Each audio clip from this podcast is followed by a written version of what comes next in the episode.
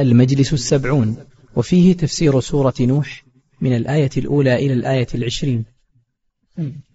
أعوذ بالله السميع العليم من الشيطان الرجيم.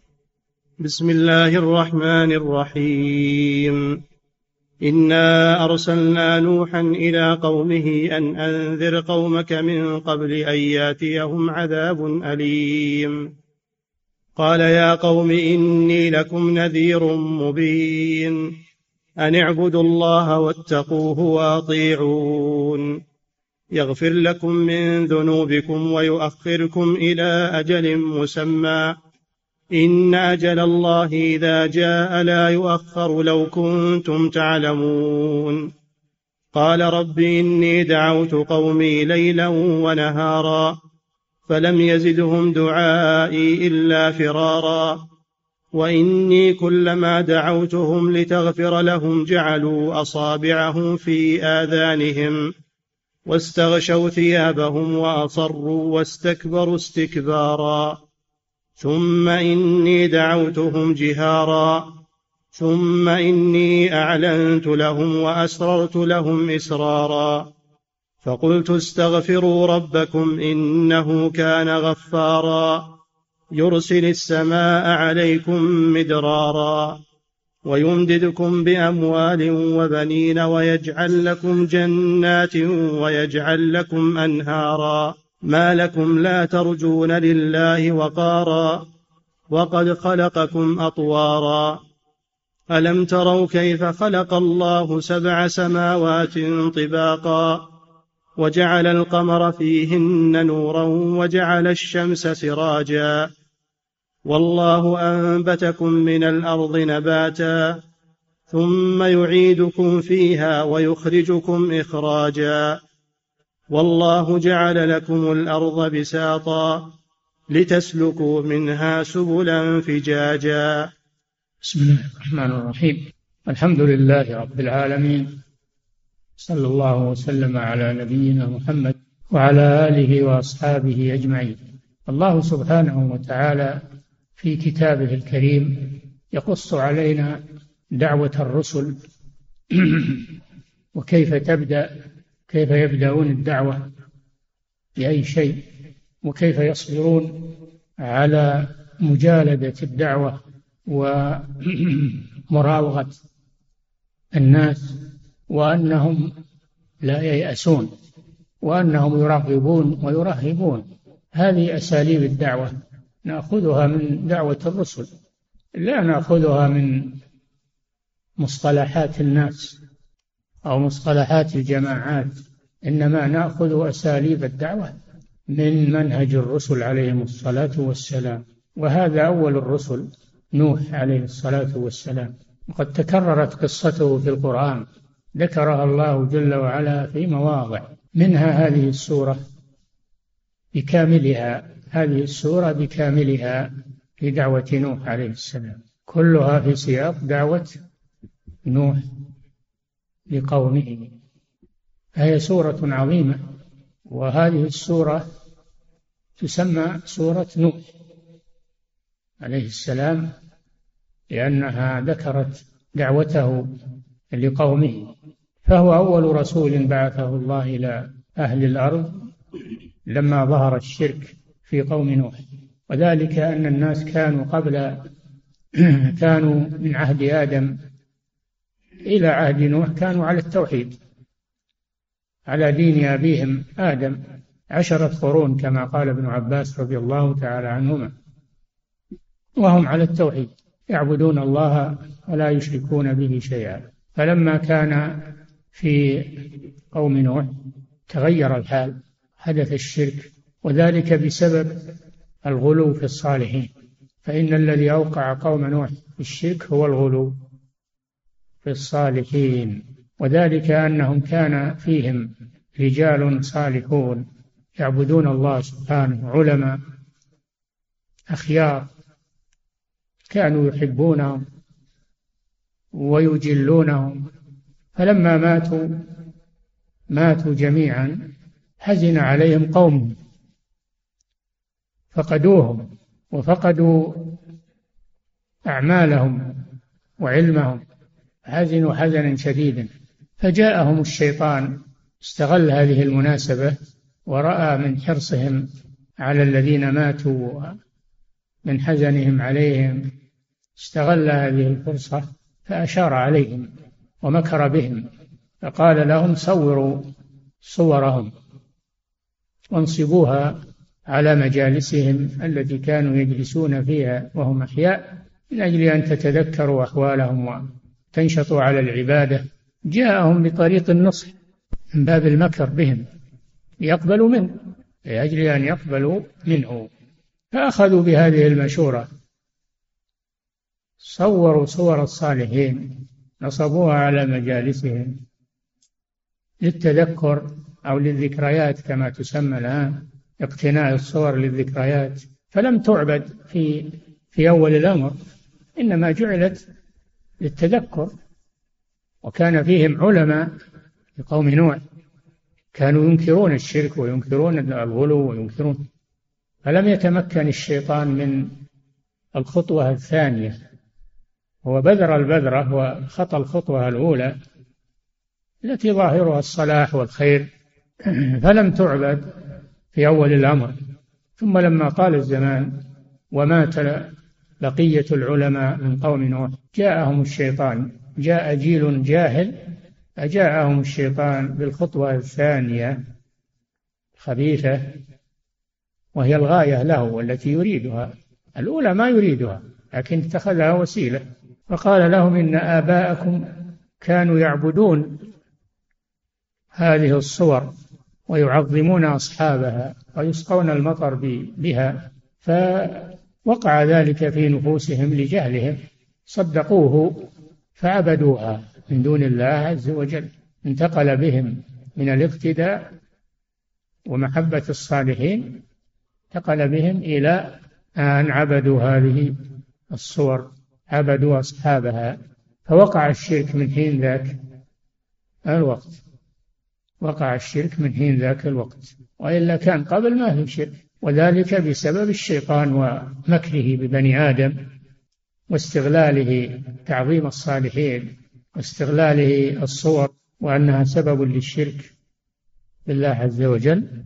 فحينئذ بعث الله نبيه نوحا عليه الصلاة والسلام منهم. بعثه منهم يدعوهم إلى الله وينكر عليهم الشرك. فحصل ما حصل من مراوغاتهم ومكابراتهم واستمر نوح عليه السلام في دعوتهم. وطال الزمان عاش فيهم ألف سنة إلا خمسين عاما. يدعوهم إلى الله عز وجل. لم يفتر عليه الصلاة والسلام. لم يفتر في دعوتهم. يدعوهم. لعلهم يرجعون.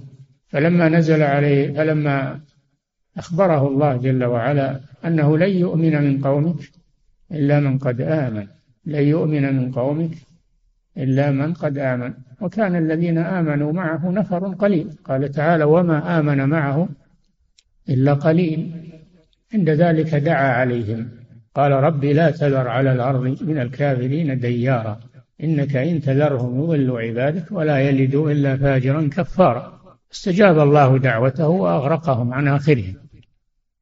ولم ينجو إلا نوح عليه السلام ومن آمن معه وما آمن معه إلا قليل. والشاهد من ذلك آه، خطر الغلو في الصالحين و العناية بالآثار آثار الصالحين وصور الصالحين أن هذا يجر إلى الشرك بالله عز وجل كما حصل لقوم نوح. ولهذا كان علماء الأمة يحذرون من الغلو في الصالحين الغلو في أشخاصهم والغلو في قبورهم والتبرك بآثارهم وما أشبه ذلك من وسائل الشرك. فلا يتساهل بهذه الأمور حتى إنهم أصروا على الشرك وعاندوا عاندوا عند ذلك. قال نوح ربي إنهم عصوني شكى إلى الله.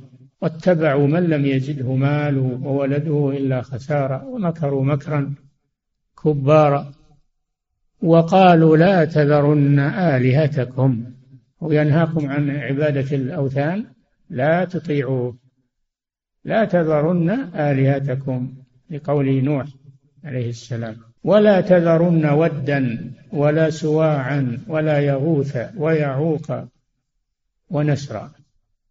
هذه أسماء الصالحين الذين صوروا صورهم عبدوهم من دون الله. هذه أسماءهم ذكرها الله سبحانه وتعالى. وهذا كما حصل من قريش والعرب لما دعاهم رسولنا صلى الله عليه وسلم إلى التوحيد. قال لهم قولوا لا إله إلا الله تفلحوا. قالوا أجعل الآلهة إلها واحدة؟ إن هذا لشيء عجاب. وانطلق الملأ منهم أن امشوا واصبروا على آلهتكم.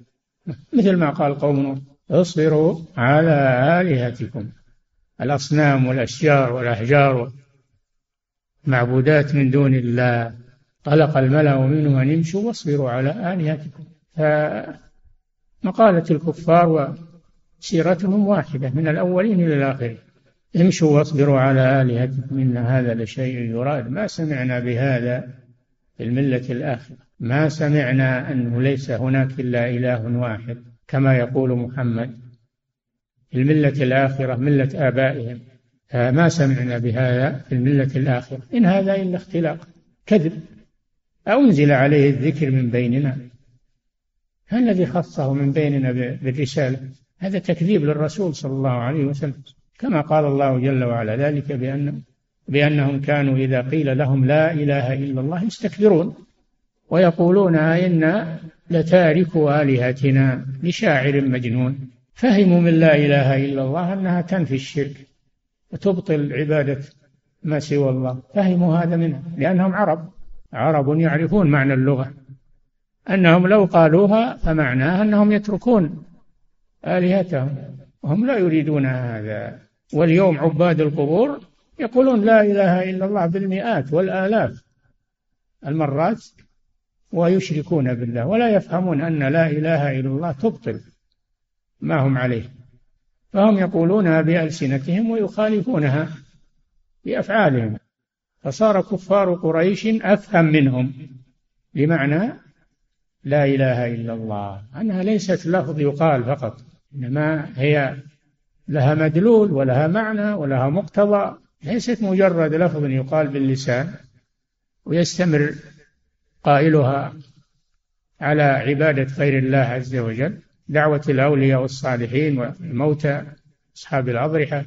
ولهذا قال الشيخ محمد بن عبد الوهاب رحمه الله عند هذا لا خير في رجل كفار قريش أعرف منه بمعنى لا إله إلا الله. لا خير في كفار قريش عرفوا معناها وأبوا يلتزموا بها. وهؤلاء قالوها ما امتنعوا من النطق بها لكن لم يلتزموا بها لأنهم لا يفهمون معناها. الحاصل أن هذه السورة خالصة في قصة قوم نوح عليه السلام. قال تعالى بسم الله الرحمن الرحيم إنا أرسلنا نوحا إلى قومه. أرسلنا نوحا أي بعثناه إلى قومه لما حدث فيهم الشرك. أن أنذر قومك من قبل أن يأتيهم عذاب أليم. بعثه الله ينذر ينذر قومه من العذاب الأليم إذا استمروا على ما هم عليه من الشرك بالله عز وجل. والله جل وعلا لا يعذب أحدا قبل إقامة الحجة عليه. وما كنا معذبين حتى نبعث رسولا. أنذر قومك من قبل أن يأتيهم عذاب أليم. ماذا قال نوح عليه السلام؟ أن اعبدوا الله واتقوه وأطيعوا. هذا أول ما بدأ به التوحيد. أول ما بدأ به الدعوة إلى التوحيد. والآن فيه من يقول لا تذكروا التوحيد. تنفرون الناس. لكن ادعوهم إلى الصدقات إلى الصلاة إلى آه الاستغفار. ادعوهم إلى فضائل الأعمال. رغبوهم. وأما عقائد الناس لا تتدخلوا فيها تفرقون الناس. هكذا يقولون. هذه مخالفة لدعوة الرسل. هذا أول الرسل نوح عليه السلام. أول ما بدأ بدعوة توحيد. أن اعبدوا الله واتقوا اعبدوا الله. يعني ولا تعبدوا غيره. لأنهم كانوا يعبدون الأوثان. أن اعبدوا الله واتقوه. اتقوا عذابه وغضبه سبحانه وتعالى إن استمررتم على ما أنتم عليه. وأطيعون. لأنه رسول إليهم. والرسول يطاع. قال تعالى من يطع الرسول فقد أطاع الله. قال تعالى وما أرسلنا من رسول إلا ليطاع بإذن الله. الرسول مبلغ عن الله. ولا تقل أنا عرفت ولست بحاجة إلى طاعة الرسول واتباع الرسول. هذه مقالة أهل الضلال والإلحاد. فلا بد من طاعة الرسول عليه الصلاة والسلام. أي رسول كان في قومه لا بد من طاعته. ولا غنى للناس عن طاعة الرسل. كل زمان ومكان تقوه وأطيعوا ما هي الثمرة من ذلك؟ يغفر لكم من ذنوبكم. إن عبدتم الله واتقيتموه وأطعتوني فيما آمركم به وما أنهاكم عنه يغفر لكم الله جل وعلا من ذنوبكم. من ذنوبكم أي الذنوب الماضية. الذنوب الماضية على الشرك يغفرها الله. لو تابوا تاب الله عليهم وغفر غفر لهم. قل للذين كفروا إن ينتهوا يغفر لهم ما قد سلف. والتوبة تجب ما قبلها والإسلام يجب ما قبله. وهذا من فضل الله سبحانه وتعالى أنه جعل مخرجا من الكفر والعذاب. ذلك بالتوبة إلى الله عز وجل. ولم يغلق الباب. دون الكفار والمشركين. بل فتح لهم باب التوبة. فإذا تابوا تاب الله عليهم. يغفر لكم من ذنوبكم من تبعيضية أي الذنوب الماضية. وأما المستقبل فكل ما حدث ذنب يتوب منه ويستغفر منه أيضا. وقيل إن من صلة للتأكيد والأصل يغفر لكم ذنوبكم. يغفر لكم ذنوبكم فزيدت من, من للتأكيد. وهذا أسلوب عربي فصيح. يغفر لكم من ذنوبكم. فهذه ثمرة التوحيد ترك الشرك طاعة الرسول ويؤخركم إلى أجل مسمى. هذه فائدة ثانية. يغفر لكم من ذنوبكم. هذه الفائدة الأولى من طاعة الرسول واتباعه. والفائدة الثانية يؤخركم إلى أجل مسمى. ولا يعاجلكم بالعذاب بل يترككم إلى نهاية آجالكم. أما إن استمررتم على ما أنتم عليه فإن الله يعاجلكم بالعقوبة ويدمركم ويؤخركم إلى أجل مسمى أي محدد لأن ما فيه ما في هذه الدنيا خلود أو استمرار لا بد من نهايتها. لكن على أي شيء تكون النهاية؟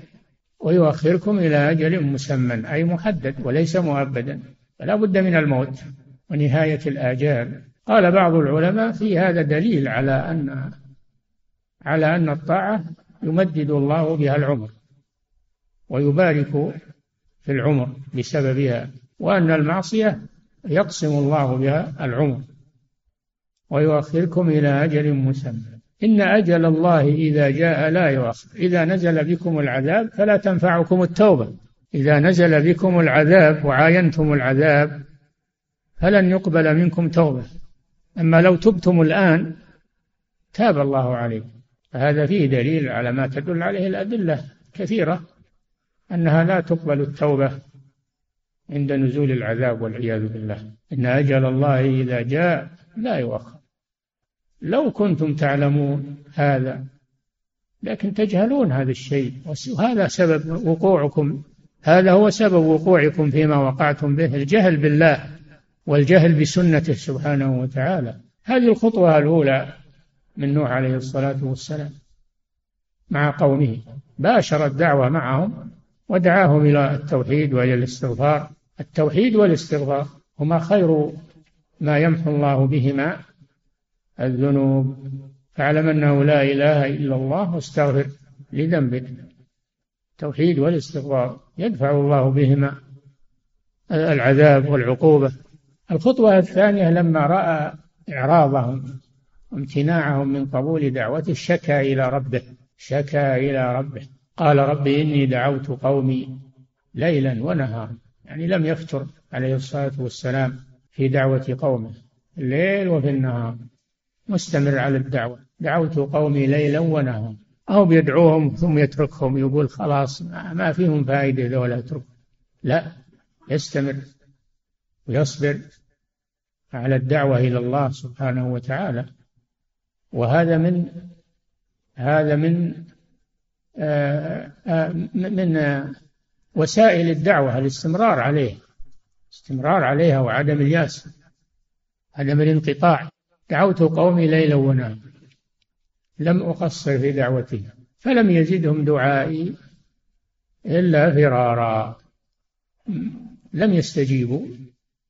أنا أدعوهم ليتقر... ليقربوا من الله ثم هم يفرون من الله عز وجل. فلم يزدهم دعائي إلا فرارا. وإني كلما دعوتهم لتغفر لهم كل ما دعاهم عليه الصلاة والسلام لأجل أن يتوبوا فيغفر الله لهم ويدعوهم لمصلحتهم.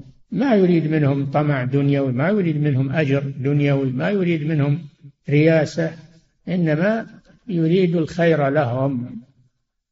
والنصيحة لهم لتغفر لهم كلما دعوتهم لتغفر لهم. جعلوا أصابعهم في آذانهم.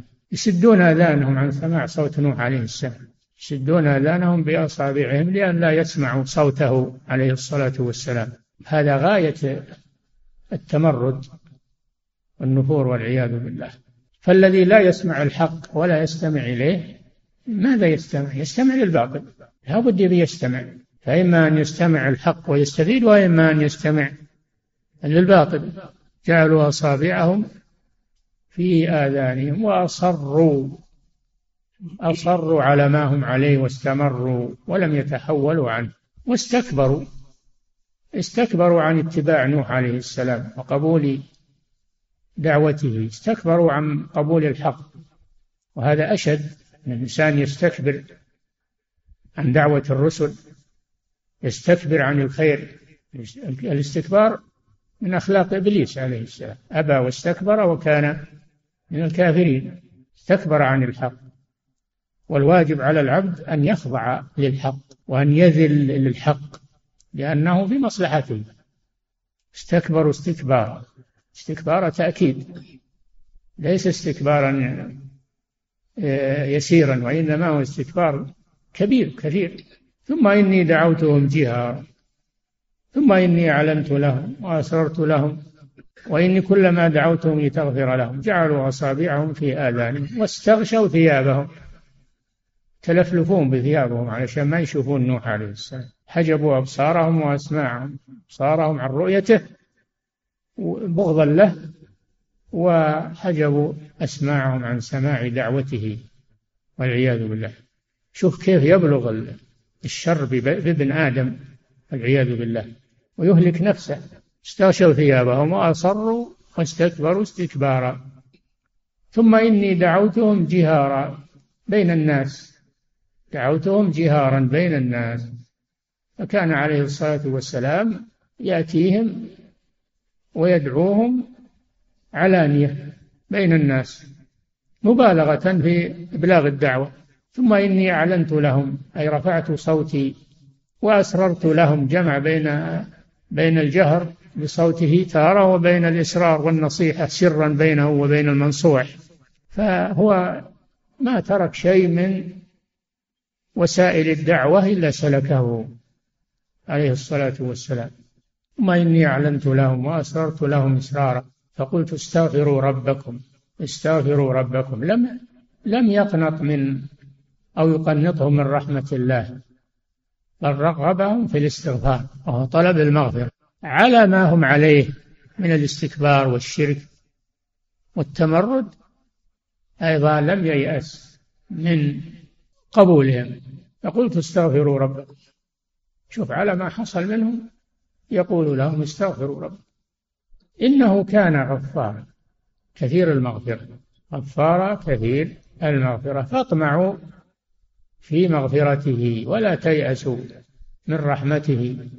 كما قال تعالى قل يا عبادي الذين أسرفوا على أنفسهم لا تقنطوا من رحمة الله إن الله يغفر الذنوب جميعا. إنه هو الغفور الرحيم. وأنيبوا إلى ربكم وأسلموا له. إنه كان غفارا. اطمعوا في مغفرته ولا تقنطوا ولا تيأسوا. ولا تستمروا في غيكم وضلالكم فهذا ليس من صالحكم. يرسل السماء عليكم مدرارا إذا تبتم إليه غفر لكم وحصل لكم منافع عظيمة أولها أن الله يغفر لكم ذنوبكم ويمحوها عنكم. الثانية أنه يدر عليكم الرزق في الدنيا يدر عليكم الرزق الأرزاق في الدنيا لأن الكفر والمعاصي والشرك والذنوب سبب لقطع الرزق أو سد أبواب الأرزاق والعياذ بالله. يرسل السماء أي المطر. المطر يسمى سماء لأنه ينزل من من السماء أي من العلو من السحاب. يرسل السماء أو يرسل السحاب. يسوقه لكم وينشئه ثم يسوقه. يحمل الماء ثم ينزله عليكم وعلى أرضكم. يرسل السماء عليكم مدرارا أي مطرا دارا متتابعا ليحيي به الأرض بعد موتها.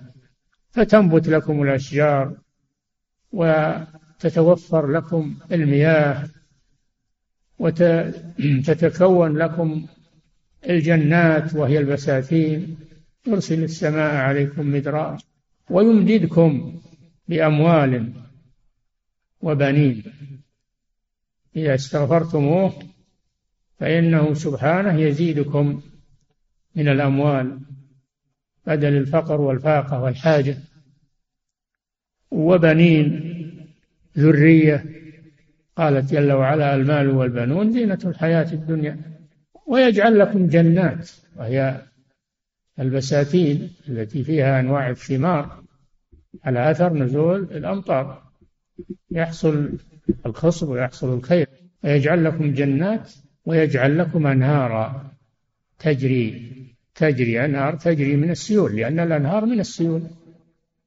أنهار الأرض التي تمشي الآن هي من السيول. يجعل لكم جنات ويجعل لكم أنهارا.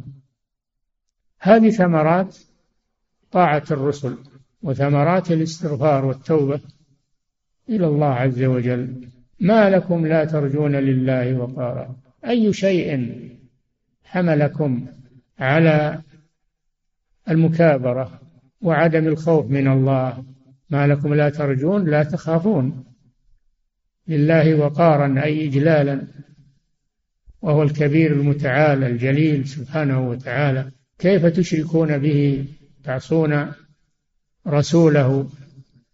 هذا تنقص. تنقص لله سبحانه وتعالى. لا ترجون لله وقارا وقد خلقكم سبحانه وتعالى أطوارا. هو الذي خلقكم. كيف تتكبرون عن عبادة من خلقكم؟ كيف تتكبرون عليه؟ وأنتم موجودون من العدم. وهو الذي أوجدكم. وهو القادر على إهلاككم. قد خلقكم أطوارا.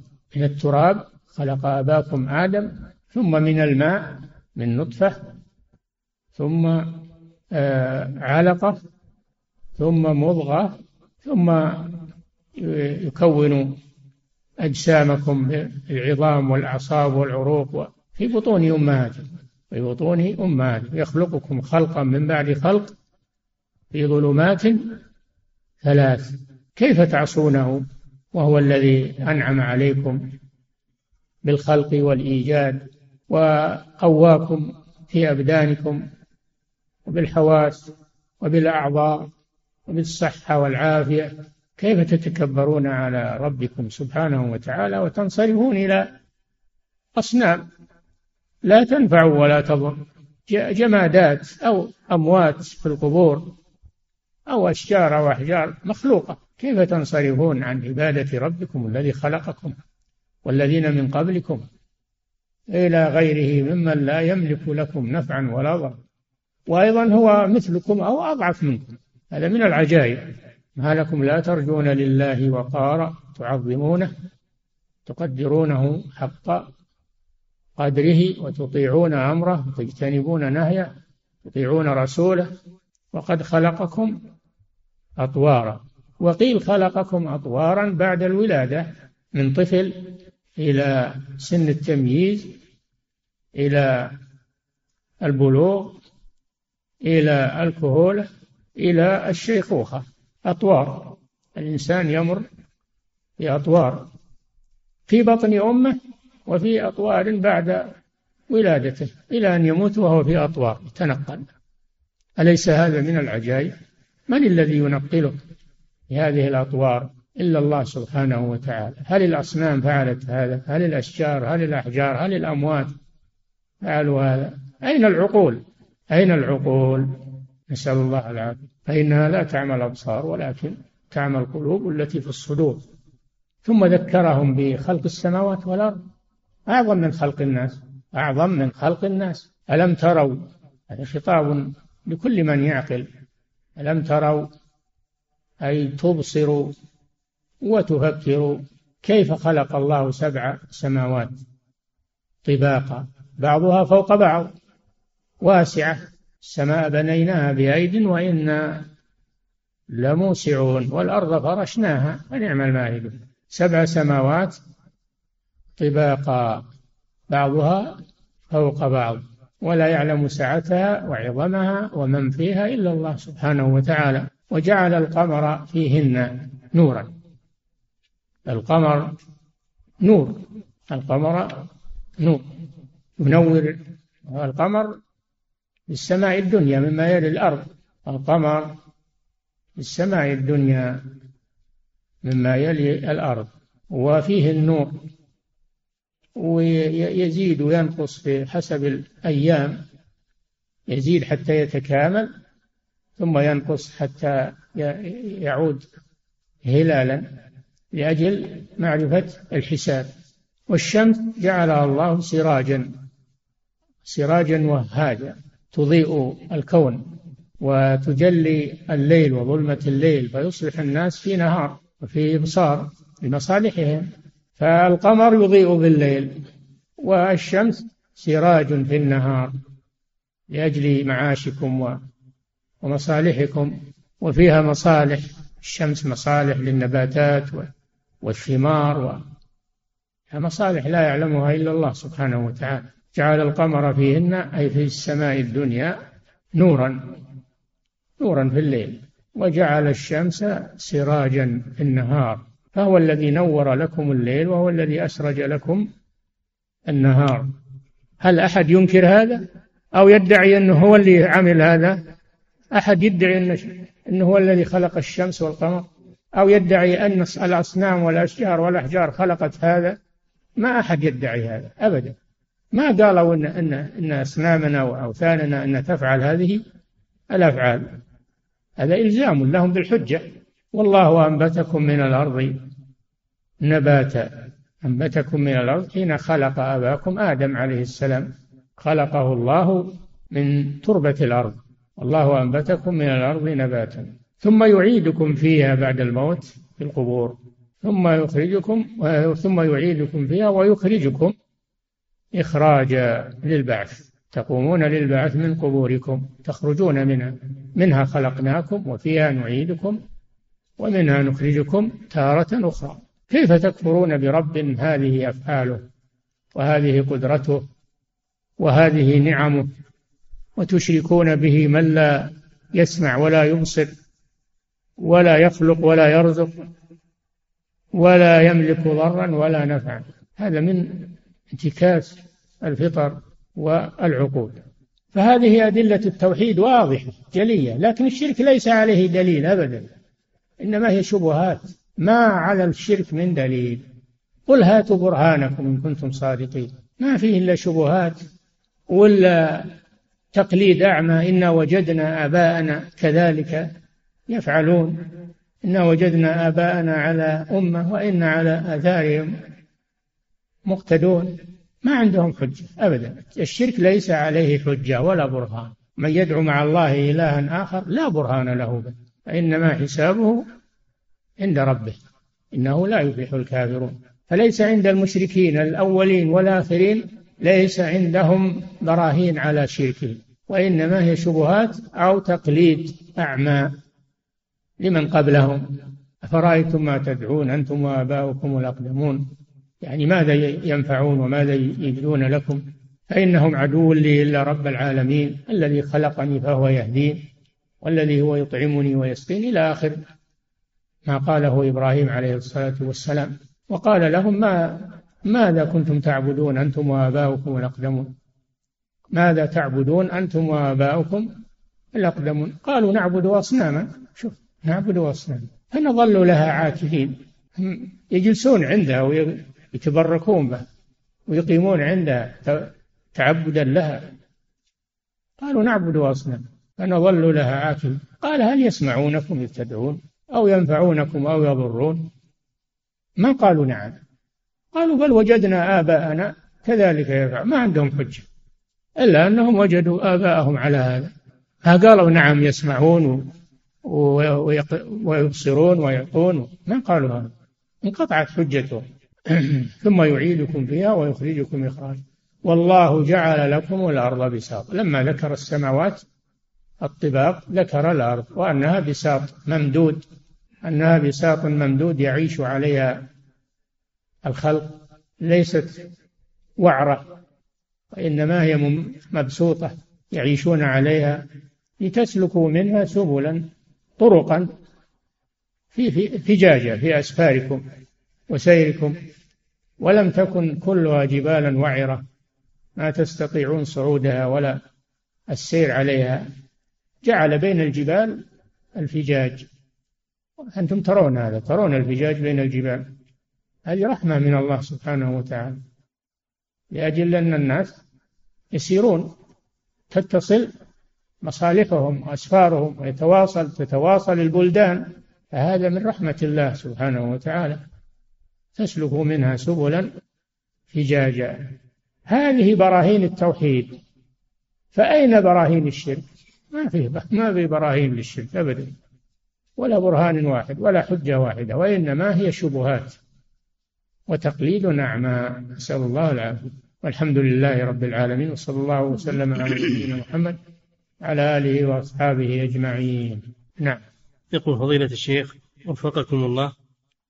يقول عندنا في العمل يضعون اسم الشخص مع عندنا في العمل يضعون اسم الشخص مع صورته ويعلقونها في الجدار للموظف المثالي.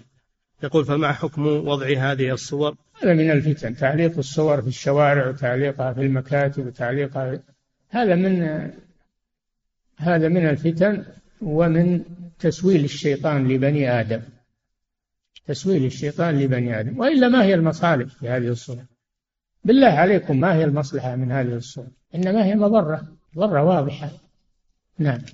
يقول فضيلة الشيخ وفقكم الله عندما يتوفى قالوا إن وضع الصورة في في البطاقة وإلا في رخصه القيا وإلا في الأمور الضرورية حاجة. نقول نعم هذه حاجة لا بأس. الضرورة لا بأس.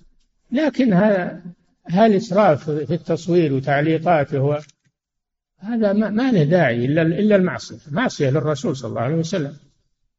نعم.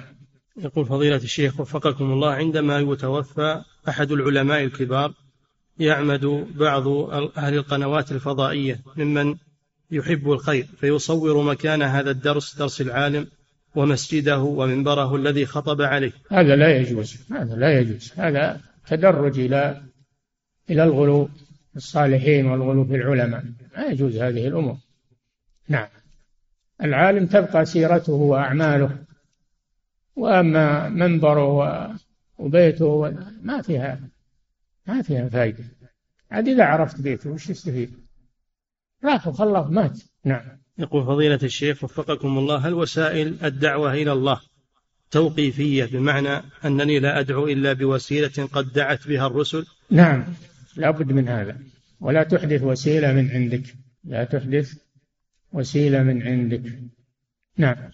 يقول فضيلة الشيخ وفقكم الله التصوير جعله بعض الناس في هذا الزمان من وسائل الدعوة المعاصرة ومن وسائل نشر الخير. يعني المعصية تكون وسيلة للدعوة. تصوير طاعة ولا معصية؟ معصية. كيف نجعل المعصية وسيلة للدعوة؟ نعم. الواجب ندعو على ترك التصوير لأنه منكر. نعم.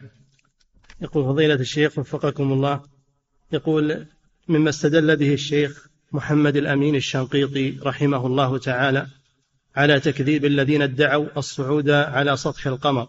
قوله وجعل القمر فيهن نورا. فقال إنها نور في السماوات السبع وليس في السماء الدنيا فقط.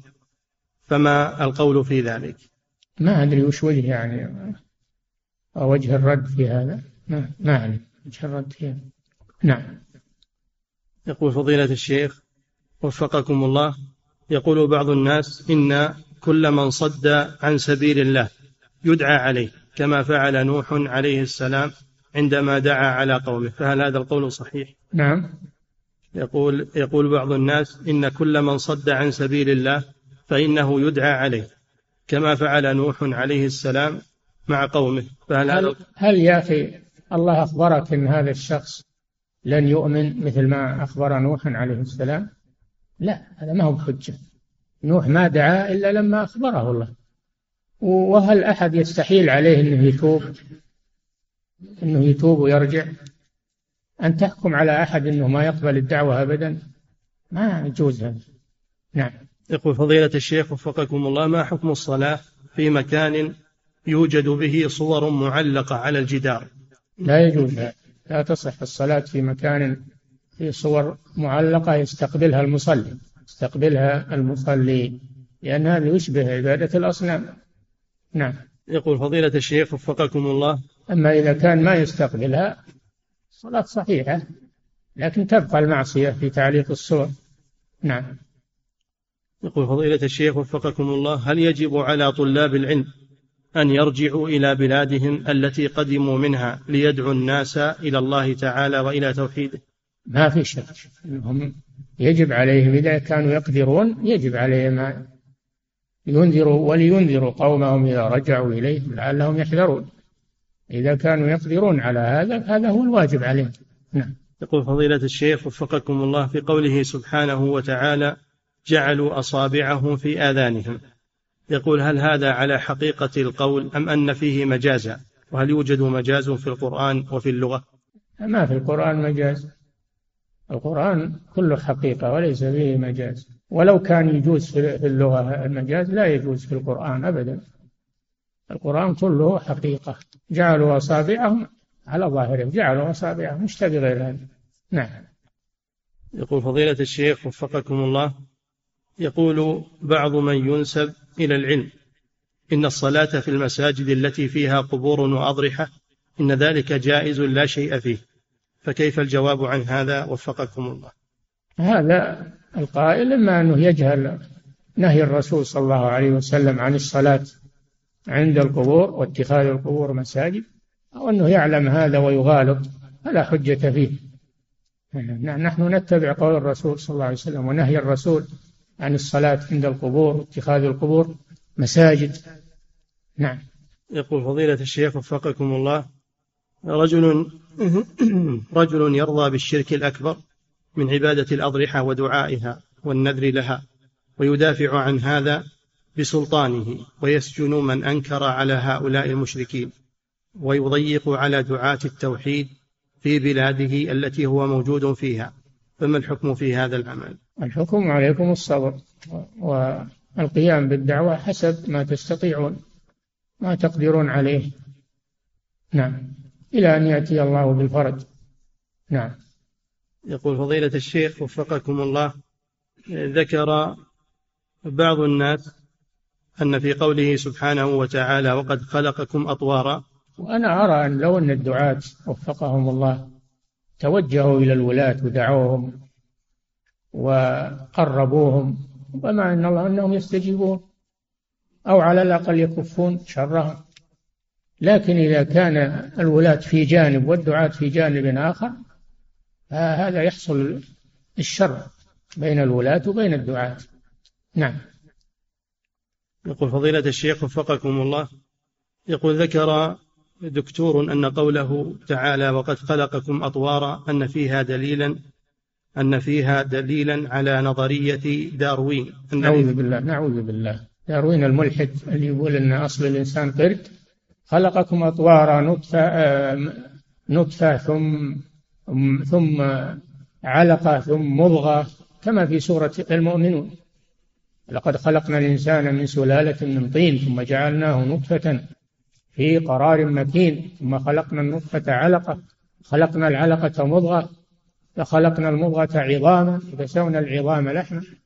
هذه الأطوار أو الأطوار بعدما يخرج من بطن أمه من من طفل إلى إلى مميز إلى بالغ إلى إلى آخره. نعم.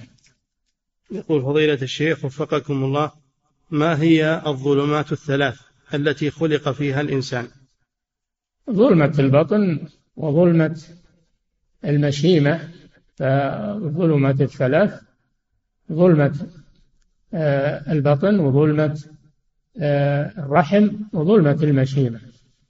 يقول فضيلة الشيخ وفقكم الله يقول في بلادنا التصوف كثير وعبادة القبور كثيرة ووالدينا وأهلينا يذبحون لغير الله مع العلم أن هؤلاء لم يبين لهم ذاك ولم ينصحهم أحد. كما أشار السائل قريبا الواجب عليكم إذا ذهبتم إلى بلادكم وإلى عشيرتكم وأقاربكم أنكم تدعون إلى الله وتبينون لهم تبينون لهم بالحكمة والموعظة الحسنة والجدال بالتي هي أحسن لعل الله أن يهديهم. نعم. يقول فضيلة الشيخ وفقكم الله يقول هل يجب علي أن أغسل يدي بالتراب والماء إذا سلمت على شخص قد لمس كلبا؟ لا لمس الكلب ما في ما في محذور. إنما المحذور في بوله وفي لعابه إذا شرب من الإناء. أما هو إذا مر أو لمسه أو وطأ في شيء هذا ما ينجس المكان. نعم. يقول فضيلة الشيخ وفقكم الله يقول هل يجوز بناء هل يجوز بناء المساجد مكان الأصنام الأضرحة التي كانت معبودة بعد إزالتها؟ والله هذا فيه ما يعني فيه تأمل لأنهم إذا كان هذا لأجل قطع دابرها وإبطالها جعلها محل عبادة لله بدل أن كانت للشرك في قضاء عليها لا بأس. نعم. كما حصل كما يقولون في مسجد ابن عباس في الطائف أنه بني في محل اللات لأجل قطع هذا الوثن وقطع ذكره وقطع آثاره تحويله إلى طاعة الله. نعم. وكذلك يقول هل يجوز الصلاة في مكان كان فيه وثن يعبد دون بناء مسجد عليه؟ لا لا ما يجوز. ما يجوز لأن هذا يخشى من تعظيم المكان وبعث الذكريات كما يقولون لهذا المكان. نعم. يقول فضيلة الشيخ وفقكم الله هذه امرأة تسأل تقول من عادتنا في الزواج يوم يسمى يوم الحنة تحنى فيه العروس قبل يوم الزواج في يوم سؤالها هل يشرع الضرب بالدف في يوم الحنة هذا؟ لا الضرب في الدف عند دخول الزوج. عند دخول الزوج وزفة الزوج إلى زوجته هذا محل الضرب بالدف نعم. نعم. يقول فضيلة الشيخ وفقكم الله ما صحة ما ورد أن من قرأ ثلاث الآيات الأخيرة من سورة الحشر في يومه أنه يصلي عليه سبعون ألف ملك؟ والله ما أدري ما عنه ما أدري عنه. نعم. يقول فضيلة الشيخ وفقكم الله هل إزالة الشعر من وجه المرأة في موضع الشارب واللحية يعتبر من النمص. إذا كان مشوها فهو من النمص. هذا من إزالة التشويه. هذا من إزالة التشويه وليس من النمص. نعم. يقول فضيلة الشيخ وفقكم الله هل حثو الثلاث الحثوات على القبر يعتبر من السنة؟ نعم يشارك يعني في الدفن يشارك في الدفن ولو بالحثيات. نعم. يقول فضيلة الشيخ وفقكم الله لحصول أجر القيراط. هل أنتظر إلى الفراغ من الدفن؟ يقول للحصول على أجر القيراط. هل لابد من الانتظار إلى الفراغ من دفن الجنازة؟ نعم. الأجر الكامل إلى أن يفرغ من دفنها. وإذا صليت عليها فقط ولم تتبعها لك قيراط إذا صليت عليها وتبعتها فلك قيراطان. إلى أن تدفن نعم. يقول فضيلة الشيخ وفقكم الله ما معنى ما ورد عنه صلى الله عليه وسلم في قراءة أواخر سورة البقرة؟ أن من قرأها كفتاه. ما معنى كفتاه؟ قيل كفتاه عن قراءة غيرهما. فيهما الكفاية. نعم. يقول فضيلة الشيخ وفقكم الله يقول أريد أن أعمل عقيقة لولدي. أريد أن أعمل عقيقة لولدي. فكم عمر الشاة التي أذبحها وتكون مجزئة؟ مثل عمر الأوشية إن كانت ظانا ستة أشهر على الأقل. وإن كانت معزا فيكون سنة كاملة. نعم. يقول فضيلة الشيخ وفقكم الله ما الراجح في الدم الذي ينزل من الحامل؟ هل هو دم حيض؟ وهل تمتنع عن الصلاة والصيام؟ الحامل لا تحيض. الحامل لا تحيض ويعرف الحمل بانقطاع الحيض. فإن نزل دم فليس حيضا وإنما هو نزيف. لا تترك الصلاة من أجله. نعم. يقول فضيلة الشيخ وفقكم الله هل هل لي أن أصلي العشاء مقصورة خلف من يصلي المغرب؟ إذا دخلت معهم في الركعة الثانية؟ لا لا. ألزمك الإتمام لأن المغرب ليست مقصورة. نعم. يقول فضيلة الشيخ وفقكم الله يقول هل يجوز لي زيارة قبر والدي أو يكفي الدعاء له والصدقة؟ لأنني أحس أني مقصر في حق والدي إذا لم أزره في المقبرة. إن حصل الأمران أنك تزوره تدعو له عند القبر كذلك تصدق عنه هذا أحسن. وإن لم تقدر على الزيارة يكفي الدعاء والصدقة والاستغفار له. نعم. يقول فضيلة الشيخ وفقكم الله من يذهب لقبر والده لزيارته وعند الدعاء له يرفع يديه أمام القبر مستقبلا القبلة فما حكم هذا الفعل؟ لا بأس بذلك. لا بأس برفع اليدين في الدعاء لأن هذا من أسباب الإجابة. نعم. يقول فضيلة الشيخ وفقكم الله ما حكم إعطاء زميلي في العمل أو أن آخذ منه في المكتب هدية؟ لكسب قلبه أو لدعوته.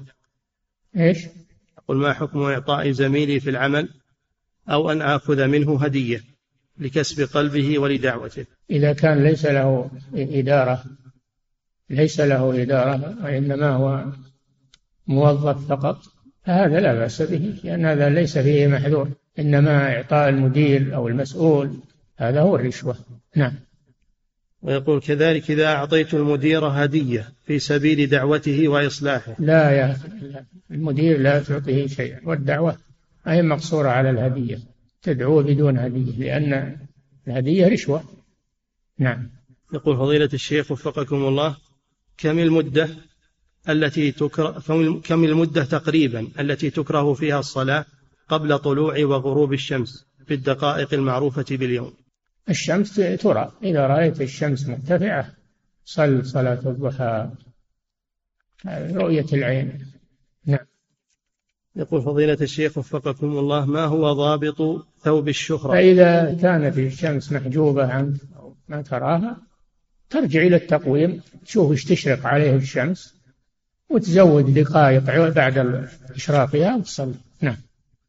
يقول فضيلة الشيخ وفقكم الله ما ضابط ثوب الشهرة الذي ورد النهي عنه وهل يدخل في ذلك المبالغة في تقصيره أو خياطته على شكل غريب ملفت للنظر؟ ثوب الشهرة هو المخالف لما عليه أهل البلد. الثوب المخالف لما عليه أهل البلد هذا هو الشهرة. إلا إذا كان أهل البلد ليسوا على السنة في اللباس فتخالفهم الطبق السنة. أما إذا كانوا على سنة فلا تخالفهم. هذا هو الشهرة. نعم. يقول فضيلة الشيخ وفقكم الله هل يجوز أن أقول يقول بعض الناس أن السنة أن يكون إلى نصف الساق. نقول ما هو محصورة من السنة في نصف الساق؟ بل إلى الكعب. الرسول صلى الله عليه وسلم قال ما كان أسفل الكعبين فهو في النار. فإذا كان أهل البلد يلبسون إلى الكعبين فهم يعملون بالسنة ولا تخالفهم. نعم. يقول فضيلة الشيخ وفقكم الله يقول هل يجوز أن أقول اللهم صل وسلم على فلان من الناس. ما يتخذ هذا شعارا. إذا قلته بعض المرات ما في مانع. أما يتخذ شعار لبعض الأشخاص مثل الشيعة مع علي رضي الله عنه هذا لا يجوز. نعم. يقول فضيلة الشيخ وفقكم الله يقول ما حكم رفع اليد أو رفع اليدين بالدعاء بعد الوضوء؟ ما ورد هذا. ما ورد أن الأيدي ترفع. بعد بعد الوضوء. إنما الذي ورد أنه يرفع بصره إلى السماء ويقول أشهد أن لا إله إلا الله له لا شريك له وأشهد أن محمدا عبده ورسوله. اللهم اجعلني من التوابين واجعلني من المتطهرين بدون رفع يدين نعم. يقول فضيلة الشيخ وفقكم الله ما معنى قول الرسول صلى الله عليه وسلم بين كل أذانين صلاة؟ الأذان والإقامة يعني نافلة. تصلي نافلة بين الأذان والإقامة. لأن الإقامة أذان. نعم. يقول فضيلة الشيخ وفقكم الله ما الضابط في إقامة الحجة على المتلبس في على المتلبس بالشرك الأكبر الذي هو صرف العبادة لغير الله؟ هل المعتبر هو بلوغ الحجة أم لا بد من فهمها؟ إذا كان يفهم اللغة التي تبلغه بها فإقامة الحجة تبليغ فقط وهو يفهم. إذا كان ما يفهم أعجمي تجيب له لفظا عربي وهو ما يفهم لازم تترجم له تبين له فهمه. نعم. يقول فضيلة الشيخ وفقكم الله هل ورد أن لكل رسول كتاب سماوي؟ الله أعلم بهذا. نعم. يقول فضيلة الشيخ وفقكم الله ما حكم بيع ونقل والتبرع بالأعضاء من الحي أو من الميت؟ ها؟ يقول ما حكم بيع ونقل أو التبرع بالأعضاء من الحي أو من الميت. أولا البيع لا يجوز بيع الأعضاء لا يجوز حرام. وثانيا أخذ الأعضاء من الميت لا يجوز لأن له حرمة. كسر عظمه ميتا ككسره حيا ميت له حرمة. فلا يجوز أخذ شيء من أعضاء الميت. وأما نقل العضو من من الصحيح إلى المريض من باب الإسعاف له هذا إذا كان لا يضر المتبرع وينفع المتبرع له والمتبرع من أهل التصرف أن يكون بالغا عاقلا فلا بأس بذلك. نعم. يقول فضيلة الشيخ وفقكم الله ما حكم التسمي باسم عبد المتجلي؟ وإذا كان لا يجوز فهل يلزم تغييره؟ والله ما أعرف يعني من أسماء الله المتجلي لا أعرف هذا من أسماء الله. عبد الجليل؟ نعم لا بأس. أما المتجلي أنا لا أعرف أن هذا من أسماء الله. وأما تغييره الأمر واسع ما طيب نعم. يقول فضيلة الشيخ وفقكم الله في قوله سبحانه وتعالى أرأيت من اتخذ إلهه هواه؟ هل المقصود من هذه الآية أنه يصرف شيئا من العبادة لهواه؟ لا يطيع هواه وإن خالف وإن خالف الحق. الذي يتبع هواه وإن خالف الحق هذا هو الذي يعبد هواه. اتخذه إلها. نعم. يقول فضيلة الشيخ وفقكم الله يقول هل يحرم على الحاج صيام عرفة؟ ما يحرم لكن السنة أن يكون مفطرا ولا الحرمة ما يحرم. نعم. يقول فضيلة الشيخ وفقكم الله لو بني المسجد أولا ثم أدخل فيه قبر بعد ذلك فهل تجوز الصلاة فيه؟ لا. المسجد الذي على قبر لا يجوز الصلاة فيه سواء كان القبر هو القديم والمسجد حادث أو العكس. كان القبر كان القبر قديم والمسجد بني عليه. لا يجوز هذا لأنه لأنه من اتخاذ القبور مساجد نهى عن الصلاة عند القبور. لكن قالوا إذا كان القبر هو القديم فينبش القبر ويخرج يحط مع المقابر. وإن كان العكس القبر هو القديم والمسجد حادث يهدم المسجد. نعم ويترك القبر. نعم. يقول فضيلة الشيخ وفقكم الله يقول ما الضابط في رفع الأيدي بالدعاء؟ فمتى نرفعها ومتى لا نرفعها؟ المواطن التي دعا فيها الرسول صلى الله عليه وسلم ولم يرفع يديه لا نرفع أيدينا وما عدا ذلك فإن الأصل في الدعاء رفع اليدين لأنه من أسباب الإجابة. لكن المواطن التي ثبت أن الرسول صلى الله عليه وسلم دعا ولم يرفع يديه فيها لا نرفع يديه نعم. يقول هل للإنسان أن يرفع يديه أحيانا بين الأذان والإقامة؟ لا.